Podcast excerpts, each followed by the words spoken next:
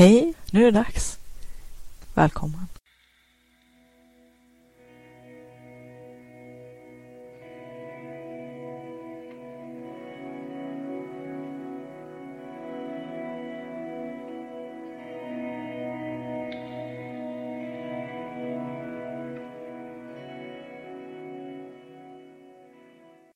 Vill du uppleva mera kreativitet och flow, få mer kvalitetstid till ditt skapande och kreativa liv, mer energi och lust, tillgång till dina kreativa superkrafter?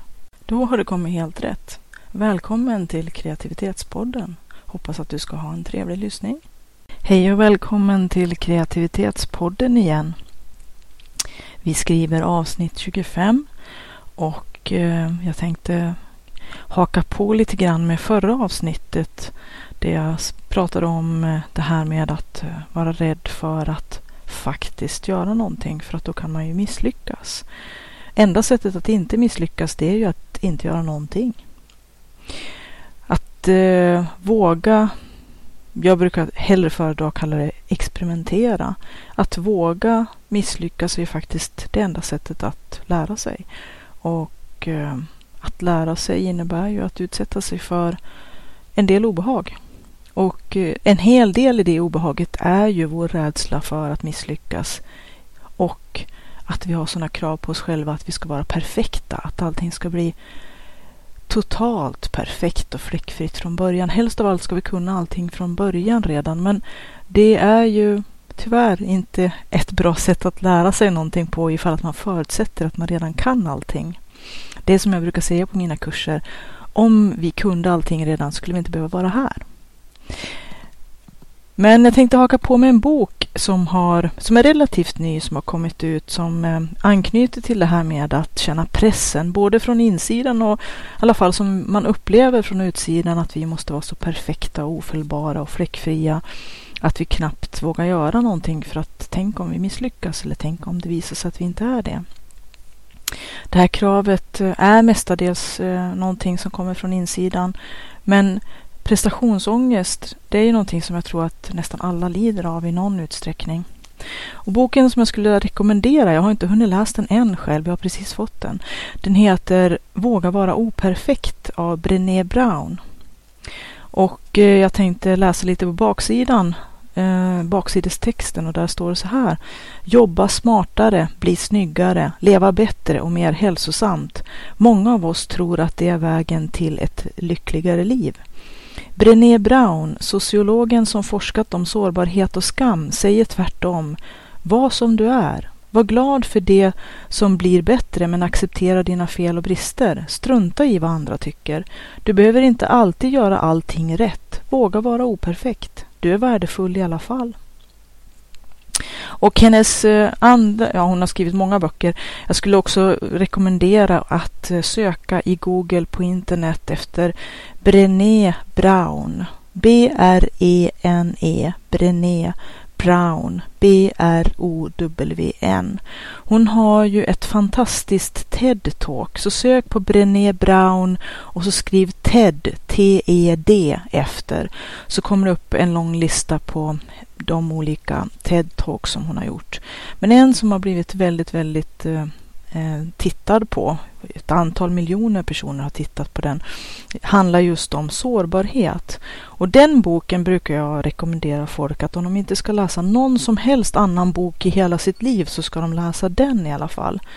Och eh, det står lite grann om den också på baksidan utav den här Operfekt boken om Våga vara operfekt. Och då står det att eh, precis som i sin uppmärksammade bästsäljare Mod att vara sårbar väver Brown ihop sin forskning med vardagliga och ofta humoristiska berättelser från sitt eget och andras liv. Och hon visar hur bland annat leken är en hjälp på vägen. Om du tappat känslan av att vara värdefull kan du börja bygga upp den genom att öva dig i mod, gemenskap och medkänsla. Du kommer snart att upptäcka att ditt helt ofullkomliga liv kan vara en gåva från kan vara en gåva både till dig själv och till andra. Och snart kommer hennes eh, nästa bok som heter Resa sig stark. I alla fall så kommer den på svenska. Den finns förmodligen redan på engelska. Men det är i alla fall de tips som jag skulle vilja ge så här inledningsvis i den här podden. Titta på TED-talket och lyssna på Brené Brown när hon berättar om sårbarhet. Och eh, läs boken Mod att vara sårbar som finns på Adlibris och Bokus för 50 kronor. Det är dina nästan bäst investerade slantar i ditt liv. En investering i dig själv skulle jag vilja säga. Och samma sak med Våga vara operfekt. Den, den finns som pocket också på svenska. Adlibris Bokus 50 pix. Så att eh, för 100 kronor och gratis frakt som de har på Bokus i alla fall om man inte om man kommer över 99 kronor så blir det ju faktiskt eh, jätteprisvärt.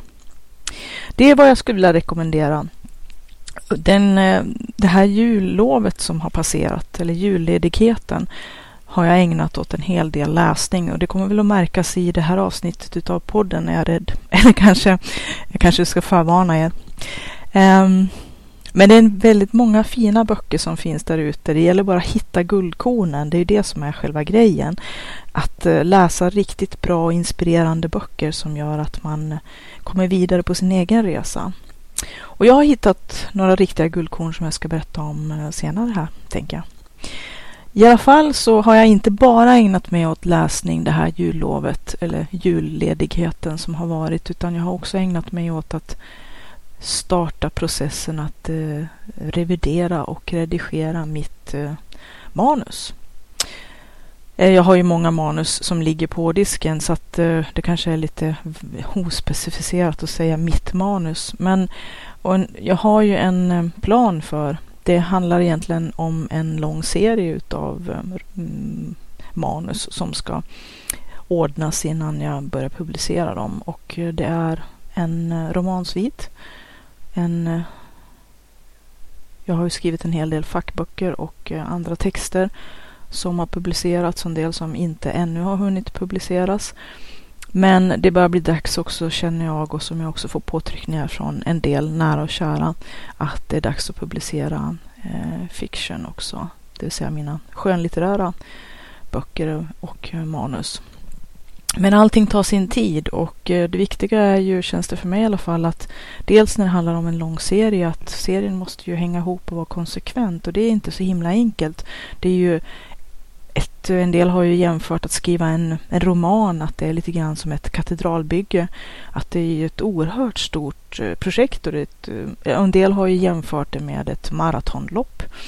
Att det är långa och stora projekt att, att skriva en bok, att överhuvudtaget gå i mål med att ha skrivit klart ett manus är ju ett jättestort jobb och, och det är ju någonting som man måste lägga upp en tidsplan på för att det gör ju man inte på över helgen eller kanske som en del många gånger har kommit igång på semestern eller på, på jullovet, eh, julledigheten. Och det är ju en bra start men, men eh, många brukar ju skriva frenetiskt under kanske några lediga dagar eller några lediga veckor och sen så ligger ju manuset och eh, kanske inte riktigt kommer vidare. Det gäller ju liksom att eh, jobba vidare med det helst nästan varje dag för så fort som man låter någonting ligga så har det ju en tendens att fortsätta ligga kvar där. Lite grann också så med, med den här podden att jag känner ju att det blir ett större igångsättningsmotstånd så här efter jullovet att, att uh, spela in avsnitt. Jag vet inte, det är lite grann i kombination med det här med att få den här perfektionistiska viruset i sig och uh, igångsättningsmotstånd och uh, prestationsångest och eh, ja, jag vet inte vad. Plus att när, ju, ju längre någonting ligger ju mera förlorar man kontakten med det och då känns det mer och mer avlägset och man liksom förlorar, jag vet inte, det är Många, jag har ju läst en hel del böcker om det här med, med skrivhantverket och det är ju också ett bra sätt att hela tiden peppa sig själv. Att hela tiden läsa peppande böcker för mig är ett bra sätt att hela tiden försöka hålla, hålla fast i mitt skapande arbete. Och det är väl därför som jag kommer prata lite grann om en hel del om de guldkorn, några av de guldkorn som jag hittat. Och det är därför som jag genom den här serien utav poddar också har eh, berättat om några utav mina stora förebilder eller ja, de som jag tycker har skrivit oerhört eh, upplyftande och hjälpsamt om saker som kan ibland vara en kamp alldeles ensam men som en skapande och kreativ människa som man som i alla fall jag upplever ofta, som jag tror att många delar med mig. Att det är svårt eh, att skriva böcker till exempel, eller nästan allt skapande arbete, eller inte allt, det, det beror på vilken typ av verksamhet, men en hel del av det kreativa arbetet som, som jag gör i alla fall är ju ett väldigt ensamt arbete. Ett arbete som man gör isolerad på sin kammare eller alldeles, alldeles ensam. Och den biten kan ju göra att det blir extra, extra tungt för att man har ju inte någon som hejar på en eller som är insatt i vad man sysslar med och då som kan vara bollplank och som kan kanske pusha en lite grann när man behöver det och som kan vara uppmuntrande när man behöver det och ja, lite sådär. Att eh, väldigt få personer egentligen vet vad jag sysslar med förrän det nästan är klart. Och då har man ju redan mm, gnetat sig igenom alla de här, äh, som de säger på engelska, dry spells. När, man, när, man, när det verkligen känns tungt. För det gör ju det emellanåt. Man kör fast helt enkelt. och då är det bra att ha några stycken utav de här äh, böckerna omkring sig som man kan läsa. Som, dels för att kanske få pausa och få liksom lite andrum. Också få lite ny inspiration och ny drivkraft. Och, och komma igen helt enkelt. Nu finns det ju en ytterligare en anledning till att eh, mina poddar kommer ut dels lite ojämnt och att det har varit en del längre avbrott innan nästa avsnitt har kommit och det beror ju på att jag har eh, under en längre tid legat inne för flera olika operationer och så. Så att, eh, och jag har väl under de senaste tre månaderna 2016, sista kvartalet här, opererats tre gånger. Så att eh, ja, det har ju varit en del saker som har gjort att eh, det har varit lite svårt att eh, behålla regelbundenheten. Men jag släpper inte taget så lätt och jag tänkte att jag ska sätta mig och spela in en hel stack med nya avsnitt. Och eh, mitt mål längre fram, eller i förlängningen är i alla fall att eh, poddarna ska komma ut med en viss regelbundenhet. Helst varje vecka. Men vi får se. Just nu så brottas jag fortfarande med, med ehm, att vara fast lite grann i den här eh, vårdapparaten och har, har flera ytterligare eh, operationer framför mig. Jag var på magnetröntgen här i förra veckan. Så att eh, det är ingenting eh, jätteallvarligt. Det är sånt som går att åtgärda så att eh, ingen oro. Det är bara det att allting är förstås ganska motigt och kämpigt och det tar tid och det gör att det är väldigt svårt att planera saker och ting också eftersom att när det blir så tätt och frekvent och att man måste vara på um, on hold on, och vara lite standby hela tiden för att rätt vad det är så kommer ett tjockt kuvert från landstinget med eh, massa papper om nästa operation och sådär. Så att det är väl också skäl till att eh, det har gått eh, lite långsammare för mig och att jag ligger en del efter i, mina, i min egen plan för mitt kreativa arbete. Och eh, jag känner att det inte är någon anledning att eh, varken hetsa upp sig för det eller slå på sig själv om det för att det hjälper inte så mycket. Samtidigt som att det faktiskt inte är någonting som jag eller någon som också kanske råkar ut för samma sak kan rå för. För att ändå är det så att vi är ju ganska mycket i händerna på vår hälsa. Så den bör man sköta om så mycket man bara kan. Så att lite grann är det ju också ett wake-up call att livet är inte för alltid eller för evigt. Att det gäller att försöka vårda sig om det, den gåva som livet faktiskt är. Och eh, vi har fått livet och det är ju vårat att förvalta så bra som vi kan och efter de bästa förutsättningar som, som vi har och som vi kan skapa för oss själva. Men eh, naturen och verkligheten och hälsan och en massa saker kan vi inte påverka. Men, men det är en bra tröst att tänka att eh, man gör så gott man kan och att inte tappa tappa taget och inte tappa sugen för det. För lite grann är det ju att eh, livet har sin gång och eh, det finns ju inget problemfritt liv. Det finns ju ingen som, jag har pratat om det förut, det är ingen som seglar fram på en räkmacka. Även om vi tycker att alla andra, eller ganska många andra, har mycket lättare eller mycket bättre än vad vi har det. Men i, bakom fasaderna så brottas de med sina problem. Alla har sina kors att bära.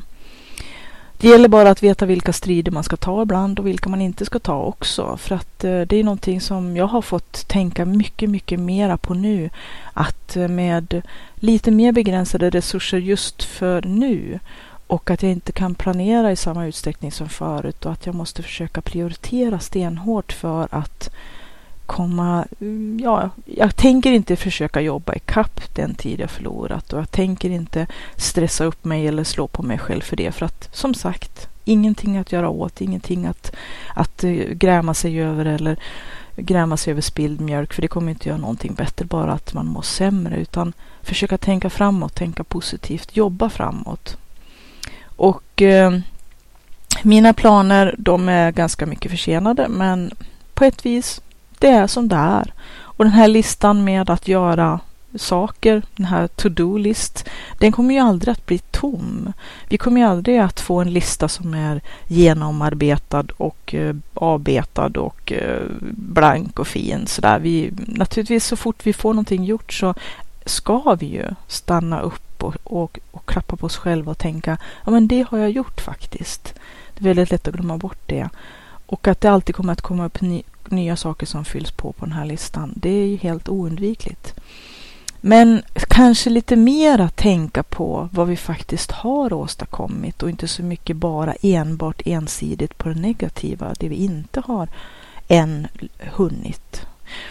Så att eh, jag ser tiden an med tillförsikt och jag har börjat att eh, revidera mitt manus, den första delen i den här serien. Mycket är redan skrivet, men eftersom att det är ett eh, work in progress och en ganska levande process och det här med att sy ihop en hel serie som jag var inne på tidigare här. En roman är ett stort bygge som det är, men när det är flera stycken romaner i en följd, då blir det ännu mer komplext. Samtidigt som att man får försöka jobba lite smart. Eh, dels att inte krångla till alldeles för mycket i onödan eh, och att hålla reda på vad man har skrivit tidigare på något sätt. Att dokumentera karaktärer och tidslinje och ja, olika saker. Hur man ska lösa det, det kanske jag får prata om i en eh, framtida podd. Eftersom att det är sånt som jag aktivt jobbar med och har jobbat med ganska länge. Jag kanske också kanske borde fördjupa mig lite mer i Scrivener som är ett program som är jättebra för de som skriver stora eller långa eller omfattande texter eller researchar saker som kräver överblick som är svårt att få i ett jätte, jätte, jätte kilometer långt dokument där allting bara ligger på rad att mm, kunna frångå den här, kanske det här linjära tänket som ibland kan vara oerhört stort hinder. Men det får jag ta någon annan gång. Den här podden tänkte jag ägna åt det här med att faktiskt eh, dels få ändan ur vagnen. Jag har ju pratat om det lite grann nu. Och om att revidera manus och vad som händer sen. För jag tänker att eh, dels upptäckte jag nu en ny funktion. Jag tror den är ny i alla fall på NanoVrimo. Jag pratade en hel del om NanoVrimo här i november. November månad är ju NanoVrimo National Novel Writing Month som är nu har blivit en stor nästan folkrörelse med massvis med folk som försöker åstadkomma och skriva en roman på 30 dagar i november. En roman då om 50 000 ord som är en kort roman men en lagom utmaning för, ja, en ganska stor utmaning också. Och oavsett om man når ända till sina 50 000 ord och går i mål, även om det bara är kanske mm, 10 eller 5 eller 1000 eller mm, 30 000 eller vad det nu blir för någonting, så har man faktiskt kommit en bit på väg. En längre eller kortare bit, men det kan ju vara startskottet till någonting ännu mycket bättre. Jag gick i mål denna gång på 50 000. Ganska enkelt eftersom att nästan allting redan var klart i min skalle. Jag hade en ganska bra outline med eh, kapitel i ordning där varje kapitel var beskrivet med en mening. Och sen som sagt hade jag bearbetat väldigt mycket så att jag hade allting nästan klart i huvudet. Men det blev en del överraskningar också ändå. Plus att jag var väldigt peppad att, eh, att skriva här, den här november så att det gick lätt. Jag har vunnit en gång förut, men jag har också varit med sedan 2008 eller någonting sånt där. Jag inte skriver varje år, men eh, jag tycker det är ett bra sätt att få vara totalt frihjul och vara oerhört eh, kreativ utan att ha så himla mycket press. För att tanken bakom Nanovrimo som jag pratat en hel del om är ju att för en gångs skull få skapa utan att ha några hämningar, några som helst hämningar. För ska man få ihop 50 000 ord på en månad, då är det bara att eh, bränna av alla raketerna utan att fundera så mycket. Det finns inte tid i det och man kan in, definitivt inte sitta och peta och redigera och låta ens interna kritiker och och så eh, käbbla en massa för då, då kommer man ingenstans utan det är bara att köra järnet och eh, bara låta allting eh, komma ut ur både skalle och tangentbord eller penna eller vilket, vilket verktyg man nu använder. För att rusa sig igenom storyn och hinna helst klart till slutet. Att inte hålla sig själv tillbaka och inte ha några krav på. Det är som en en, vad ska man säga, en eh, skrivande brainstorming faktiskt. Mycket av det man skriver kanske kommer att bli oanvändbart eller så kommer det att kanske gå att använda i helt andra sammanhang. Men man får ett embryo, ett embryo till någonting som kan bli någonting fantastiskt bra. Och som man inte ens hade en aning om att det skulle bli. Just sådär. Och det var väl en del av de överraskningarna. Jag har ju haft de överraskningarna förut när jag har skrivit i Nanovrimo. Att eh, wow, vad, vilka saker som kan bara råka hända som man inte hade en aning om. Och det är det som är så fantastiskt spännande. Kreativiteten eh, verkligen går på högvarv och precis vad som helst kan hända. Bara man tillåter det. Och det är väl det som är så fantastiskt tycker jag. Men sen måste man ju, om man nu varje år kanske inte blir någonting som går att använda, men det är ju själva övningen i att eh, få eh, verkligen frigöra sina kreativa krafter och att eh, faktiskt också förvånas över vad man kan åstadkomma när man inte sätter upp så mycket hinder för sig själv och blockar sig själv.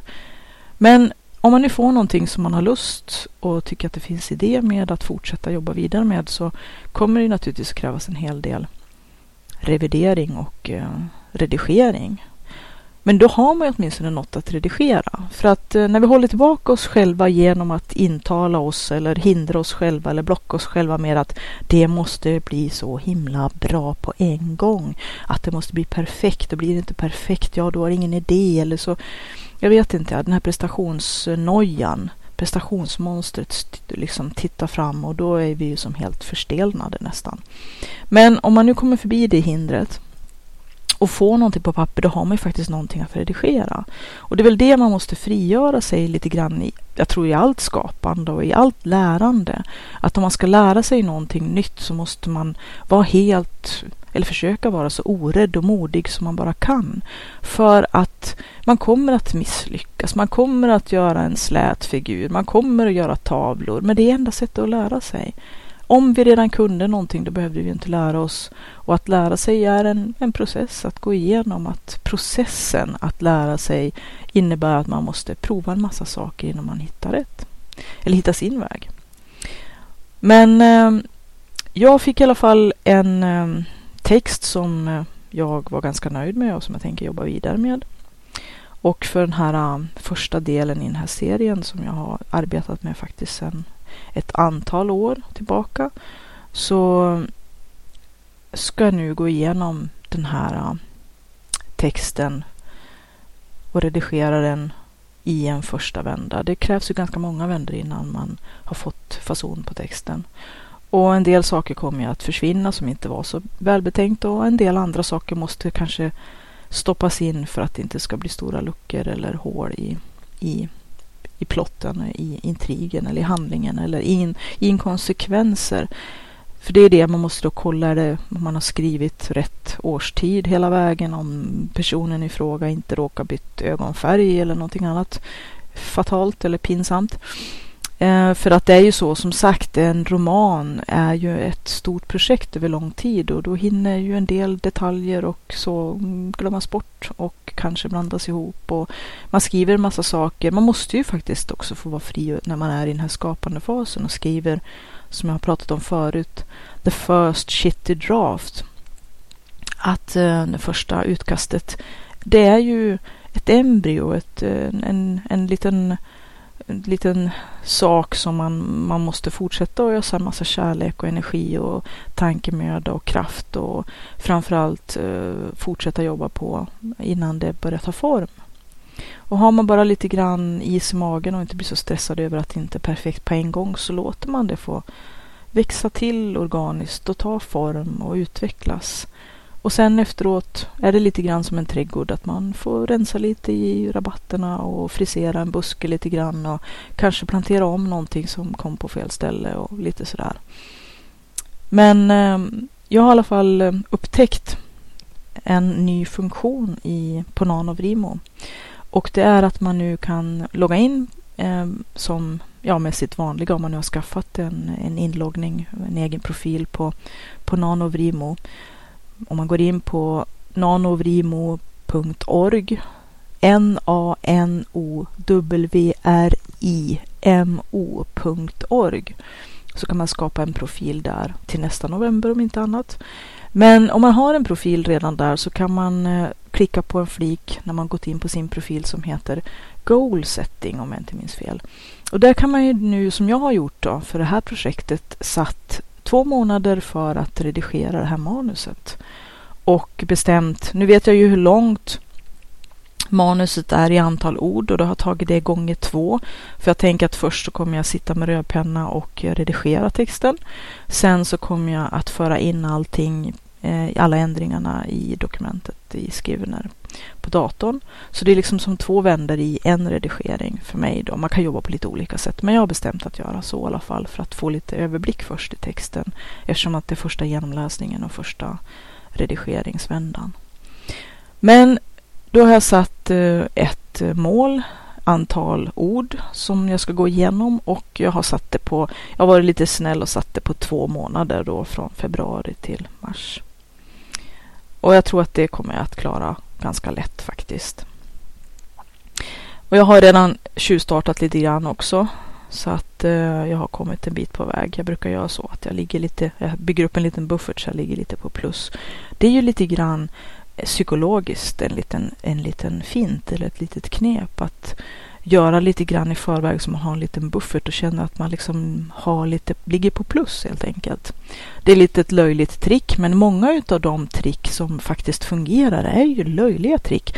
Våran hjärna är i vissa fall väldigt lättlurad, både negativt och positivt. Så att vissa negativa mekanismer som jag pratat om i tidigare avsnitt i podden som vi går på varenda gång fastän det inte är supersimpla eh, fällor och trick egentligen. Men vi snubblar och vi lägger krokben för oss själva och vi går på andras eh, finter också lika lätt.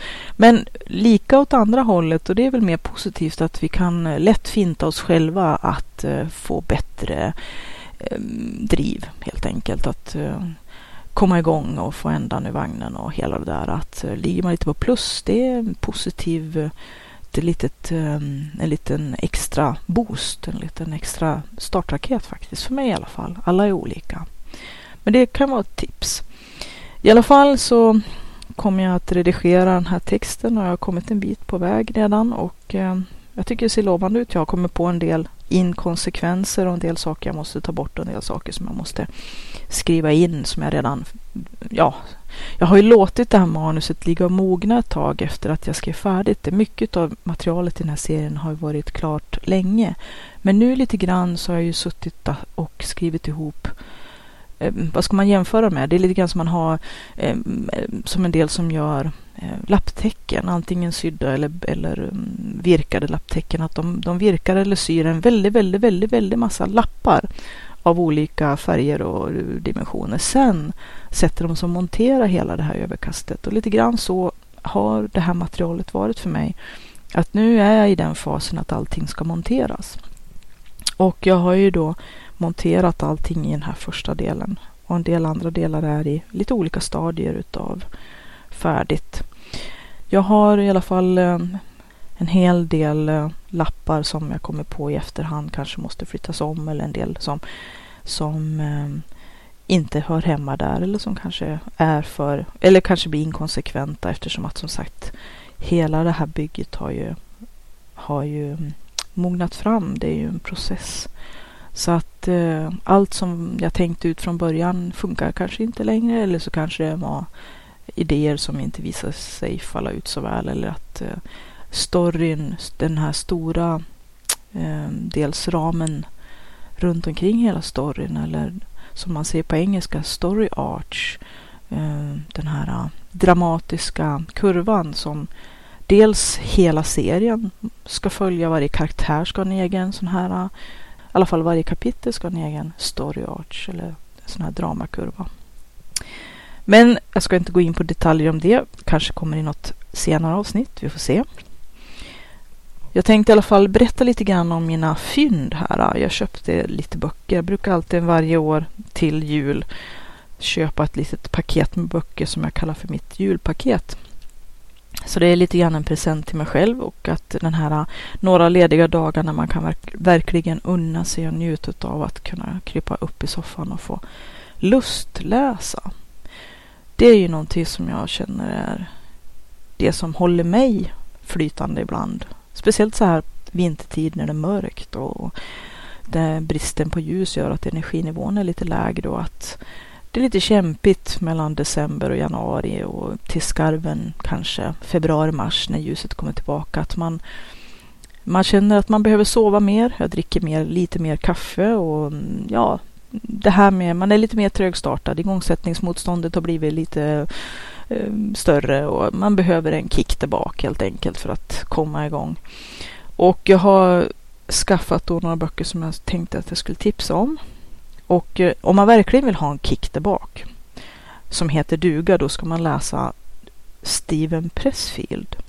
Jag köpte tre av hans böcker i en serie som han har. Ja, man kanske kan kalla det en serie för att de, eh, de hänger ihop och är väl lite grann i en följd, även om att var och en av dem är ju oberoende och fristående. Men eh, den första delen, The War of Art, nu är de här böckerna på engelska så att det är väl kanske en nackdel. Jag vet inte om de finns på svenska, om de är översatts eller så. Många gånger föredrar jag att läsa på engelska eftersom att eh, ja, dels är de lättare att få tag på många gånger. Allt översätts ju inte till svenska så jag kan inte säga om de här finns på svenska. Men The War of Art av Steven Pressfield kan jag varmt rekommendera. Det är verkligen som de säger på engelska, kick in the pants. Och han har ju lite grann kommit på att vi allihopa har någonting som han kallar för resistance i kroppen. Alltså motstånd. Att så fort som vi ska göra jobbet, det här skapande, komma igång och komma vidare och slutföra saker och ting så har vi en eh, liten otäck typ som eh, försöker lägga krokben för oss som han kallar för the resistance. Eh, man kanske måste läsa den här boken The War of Art för att eh, jag kanske inte kan ge det rättvisa riktigt. Men eh, allt som han skriver är så oerhört sant och han gör en, han gör en hel del eh, egna exempel på hans egen livsväg som har varit eh, ganska omtumlande och eh, ja, han gör sig sårbar när han skriver om sitt liv eftersom att eh, det har varit en tuff resa för honom. Nu är han ju en bestseller och har men det tog många, många, många år innan han ens fick någonting publicerat, precis som Stephen King. Fast kanske lite ännu tyngre. Eller ja, jag tror att de har haft det lika tungt båda två. Många, många år innan de överhuvudtaget fick någonting publicerat. Och har levt på randen till nästan svält och eh, ja, ganska stor misär också. Så att eh, den kan jag varmt rekommendera. En bok som han skrev emellan heter Do the Work Också av Steven Pressfield då som sagt. Kan jag också varmt rekommendera. Och sen slutligen Turning Pro. Så att eh, vill man ha en rejäl spark tillbaka och komma vidare och kanske också se lite grann av de här mekanismerna. Jag pratade ju lite i ett tidigare avsnitt om det här med de här billiga tricken och jag tror att ja, det blev en liten aha-upplevelse när jag läste Steven Pressfields de här tre. De är väldigt tunna de här böckerna. Eh, inte alls svår att komma igenom, det går ganska fort faktiskt. Men det var verkligen en sån här aha-upplevelse eftersom att alla de här billiga tricken som jag pratade om i, i något tidigare avsnitt här var exakt det som han beskrev att den här uh, The Resistance slänger ut framför fötterna på oss och vi snubblar varenda gång. Så att genom att få syn på det här uh, så kan vi ju skapa lite grann lite motmekanismer eller lite sådana här uh, trick för att komma ikring det. Framförallt nummer ett, se problemet och förstå hur det hänger ihop. Jätteviktigt för att kunna, ja, kalla det, man kan säga försvara sig, det låter lite dramatiskt, men på ett vis nästan måste man ju försvara sig för att eh, det är väldigt, väldigt lätt att eh, ramla i i den här gropen och sen inte kravla sig ur eftersom att det är så bekvämt att inte utsätta sig helt enkelt. Varken för att göra sig sårbar, för så fort som vi lär oss, ska försöka lära oss någonting måste vi misslyckas, då gör vi oss sårbara. Och när vi ska skapa någonting som sen kanske eventuellt möjligen, det är inte givet att det måste bli så, men någon gång kanske någonstans att det ska mm, visas för någon, någon som ska läsa det eller någon som ska se det, att då blir vi också sårbara. Det som är lite tråkigt är att det är väldigt lätt för människor som själva inte är skapande att ha en massa åsikter och det är väldigt lätt att stå över axeln och tycka en massa saker, oftast kanske inte alltid så oerhört uppmuntrande saker. Och det finns skillnad på, vad ska man säga, konstruktiv kritik och sånt som bara är, är förödande helt enkelt. Och det är ju Ja, det här att göra sig sårbar är ju någonting som, eh, som Brené Brown i, i, i det här TED-talket och i, i, sin bok Våga vara sårbar skriver är någonting som vi skyr som pesten eftersom att det är det vi tycker är det absolut, absolut mest obehagliga, otrevliga och hotfulla vi nästan kan räkna ut. Och igen kanske man måste läsa hennes böcker och lyssna på TED-talket för att förstå riktigt vad jag pratar om nu.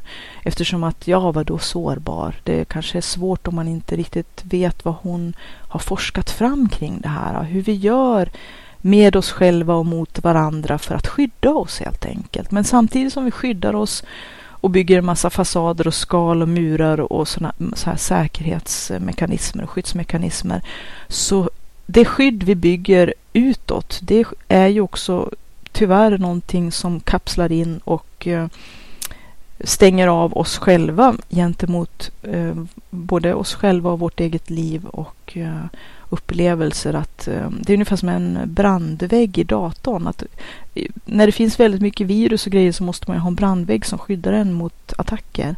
Men ju högre man bygger en mur Visserligen så är det svårare för saker att komma in, men det är också väldigt mycket svårare för saker att komma ut. Att vi, vi stänger ju av en massa kanaler samtidigt när vi inte längre, när vi bygger de här murarna. Både i oss själva och gentemot andra och mot livet. Och jag skulle vilja säga som en av mina idoler när det gäller poddar sa i en, här, en av de senaste poddarna just det här Is it worth it? Är det värt det? Och då menar han att ja, livet är farligt. Livet är, ja, kan vara risker. Men det är värt det. Att inte ta några risker, det är att inte leva. Naturligtvis, som jag också sagt förut, allting är ju, en, eh, är ju relativt. Det kanske inte är så smart att ta onödiga risker eller ta risker som bara är destruktiva. Det ska ju helst vara någonting som, eh, risker som man tar för att uppnå någonting som är tillräckligt värt. Men där är ju också en fälla att det är väldigt lätt att hela tiden intala sig att nej, det är inte tillräckligt eh, värt att ta den risken. Att vi kanske bygger ytterligare ett litet, en liten ursäkt att gömma oss bakom för att vi egentligen är rädda. Eller inte vill vara sårbara. Vi är rädda för det också. Det är otäckt. Men jag kan varmt rekommendera Steven Pressfield, The War of Art, Do the Work och Turning Pro. Riktiga rejäla sparkar där bak som får en att inse vilka trick man kanske... Alla är ju inte, kommer ju inte ut, utifrån. En del är ju sådana som är våra egna snubbel, snubbelgrepp på oss själva lite grann för att skydda oss från livet. Men eh, man kan ju inte skydda sig från livet för det är ju lite grann att inte leva det. En annan bok som är kanske lite eh, lättsammare men eh, inte mindre viktig för det. Det är Jonathan Fields How to live a good life.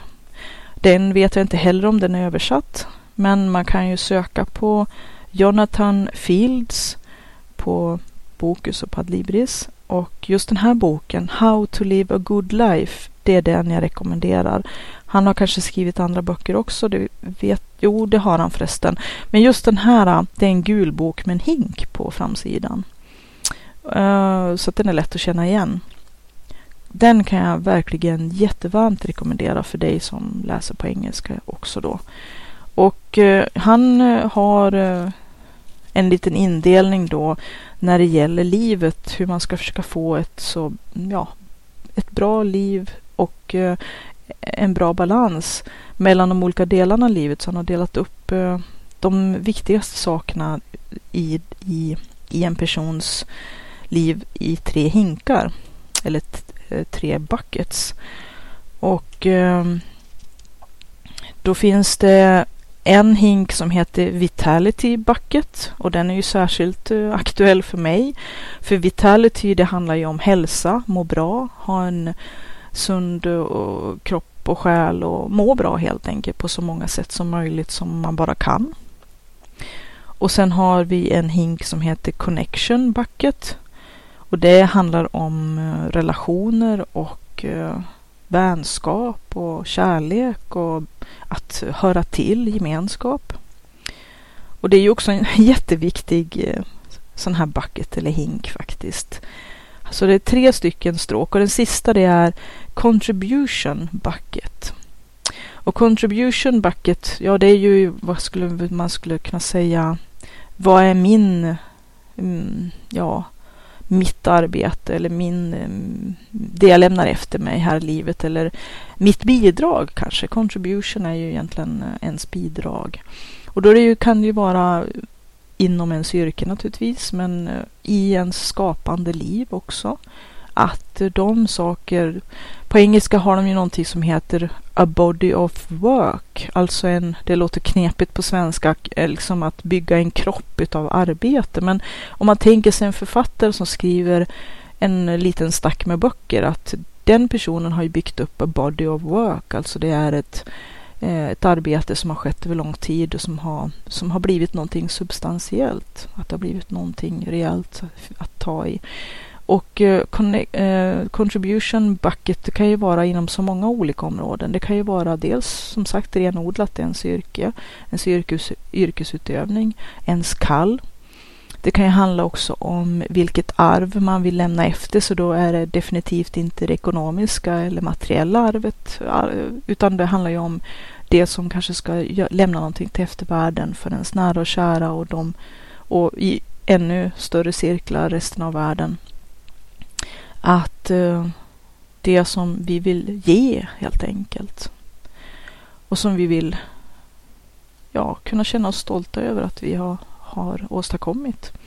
Och det kan ju också vara arbete för ideella organisationer och eh, en massa saker kan ju, kan ju finnas i den här contribution bucket. Det är inte bara att göra ett bra arbete, kanske yrkesstolthet eller kanske göra ett arbete som man är kallad att göra som, som betyder mycket för andra människor utan det kan som sagt vara arbete som är på hobbybasis eller på frivillig basis och ideell basis ehm, på många sätt och vis.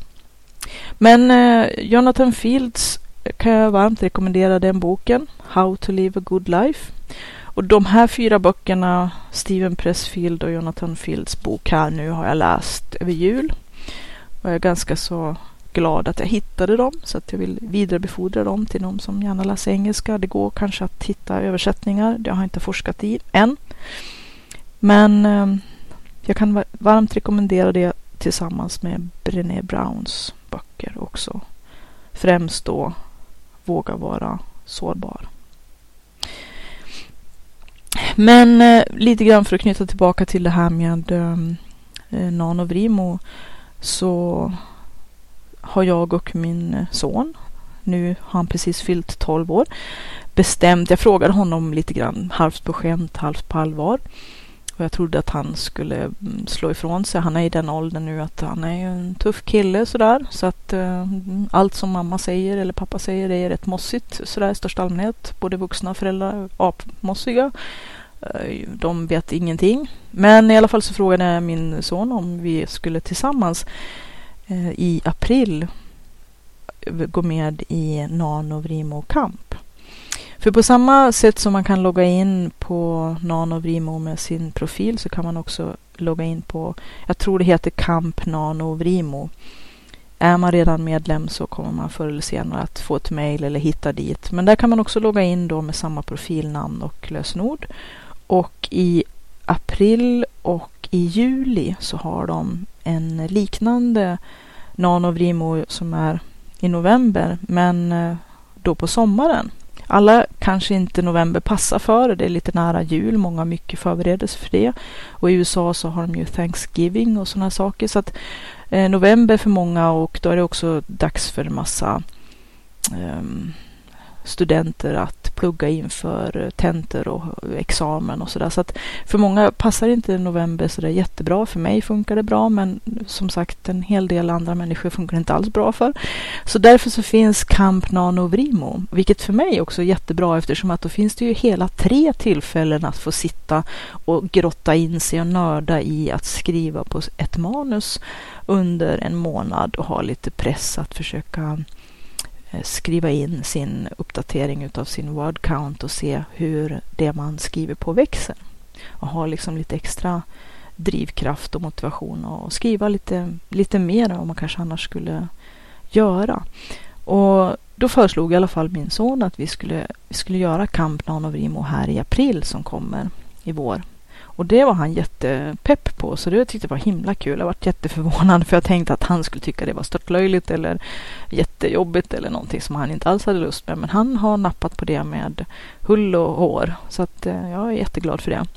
Så att eh, det blir ett litet projekt som både kommer att fylla connection bucket, vår gemenskap och vår relation.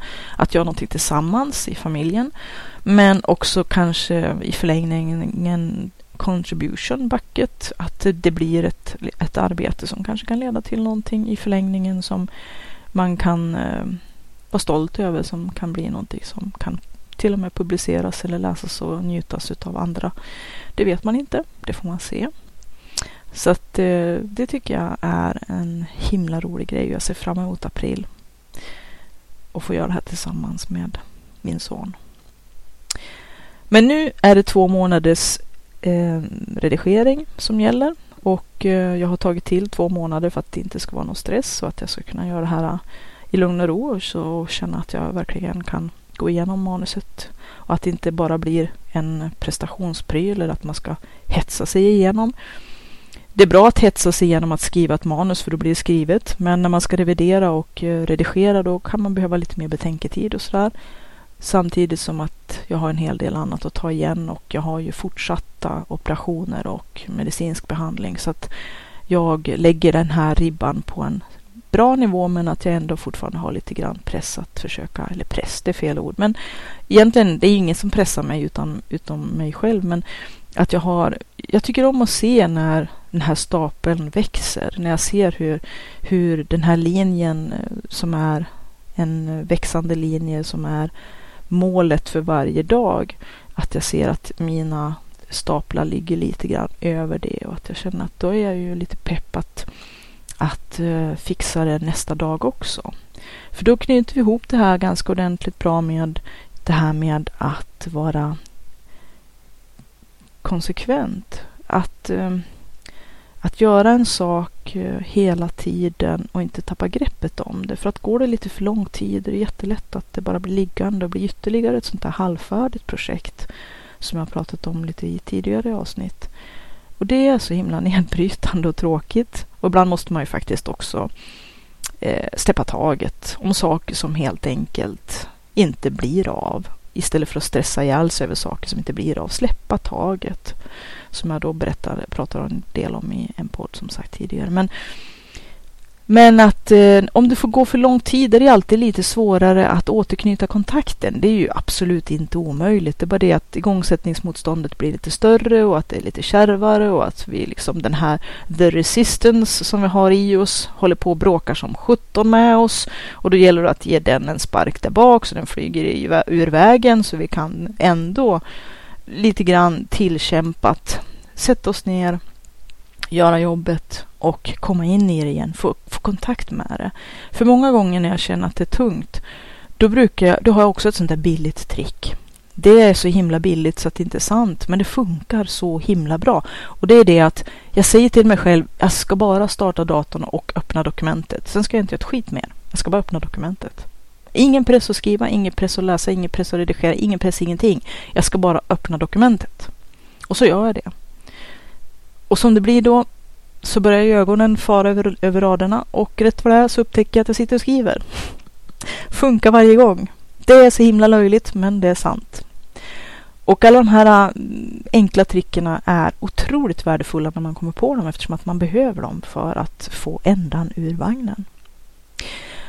Jag tänkte runda av här och eh, jag hoppas som sagt att i framtiden när jag inte har lika mycket sjukvårdsaktiviteter eh, att se fram emot eller inte så, så ska jag försöka få podden att komma ut lite mera regelbundet. Men eh, det kommer att komma avsnitt lite här och där och kanske både med längre och kortare mellanrum. Så håll ut och håll utkik. Vill du läsa mera om poddarna eller om andra verksamheter som jag sysslar med så kan du gå in på www.sidharta.se ziddharta.se. Där finns en länk till som heter bidra där du kan se hur du kan hjälpa till att stötta den här podden bland annat. Men också så finns alla kontaktuppgifter till mig så du kan skriva ett mejl till exempel, ställa frågor eller berätta någonting eller komma med tips. Vad vet jag? Du är jättevälkommen att höra av dig i så fall. Och eh, vi hörs till nästa gång. Ha det gott! Tack för att du har lyssnat på den här podden. Hoppas den var till mycket nytta och glädje. Om du vill läsa mera om Siddharta, gå in på www.siddharta.se där finns också kontaktuppgifter så att du kan till exempel mejla om du har frågor eller kommentarer eller vill ta upp något ämne som du gärna vill höra på podden i framtiden. Välkommen att höra av dig. Kreativitetspodden har också en egen Facebookgrupp så att om du söker på kreativitet eller kreativitetspodden så hittar du kreativitetspodden på Facebook. Anmäl dig gärna där som följare så får du uppdateringar löpande om nya avsnitt och saker som händer på kreativitetsfronten. Du kan också gå in på www.sidharta.se och klicka på länken högst upp till vänster bidra för att se vad du kan göra för att hjälpa den här podden att fortleva och att visa ditt stöd. Så gå in där på bidra så ser du hur det går till. Jag som driver kreativitetspodden heter Katrin Sidharta Tangen och jag är författare, järnsmed, driver www.sidharta.se och Sidhartas webbutik. Jag har skrivit flera böcker, bland annat Skapa och sälj som är en handbok för entreprenörer, kreativa och skapande människor. Jag har skrivit Forntida järn, Ancient Iron, som handlar om forntida järnframställning och eh, vikingatida järnsmide. Jag har även skrivit Pitch 13 som är en serie i genren Dark Urban Fantasy och eh, nu finns även ljudboken för kreativitet och flow enligt Siddharta. Allt detta kan du hitta på www.siddharta.se där du också kan gå in i butiken, Siddhartas webbshop, där böckerna kan köpas till bästa pris. Böckerna kan också hittas på Bokus och Adlibris och på de vanliga ställena där du köper böcker. E-böckerna kan också köpas via Kobo och eh, Amazon med flera ställen där e-böcker säljs. Ha det gott. Tack för att du har lyssnat. Hej då!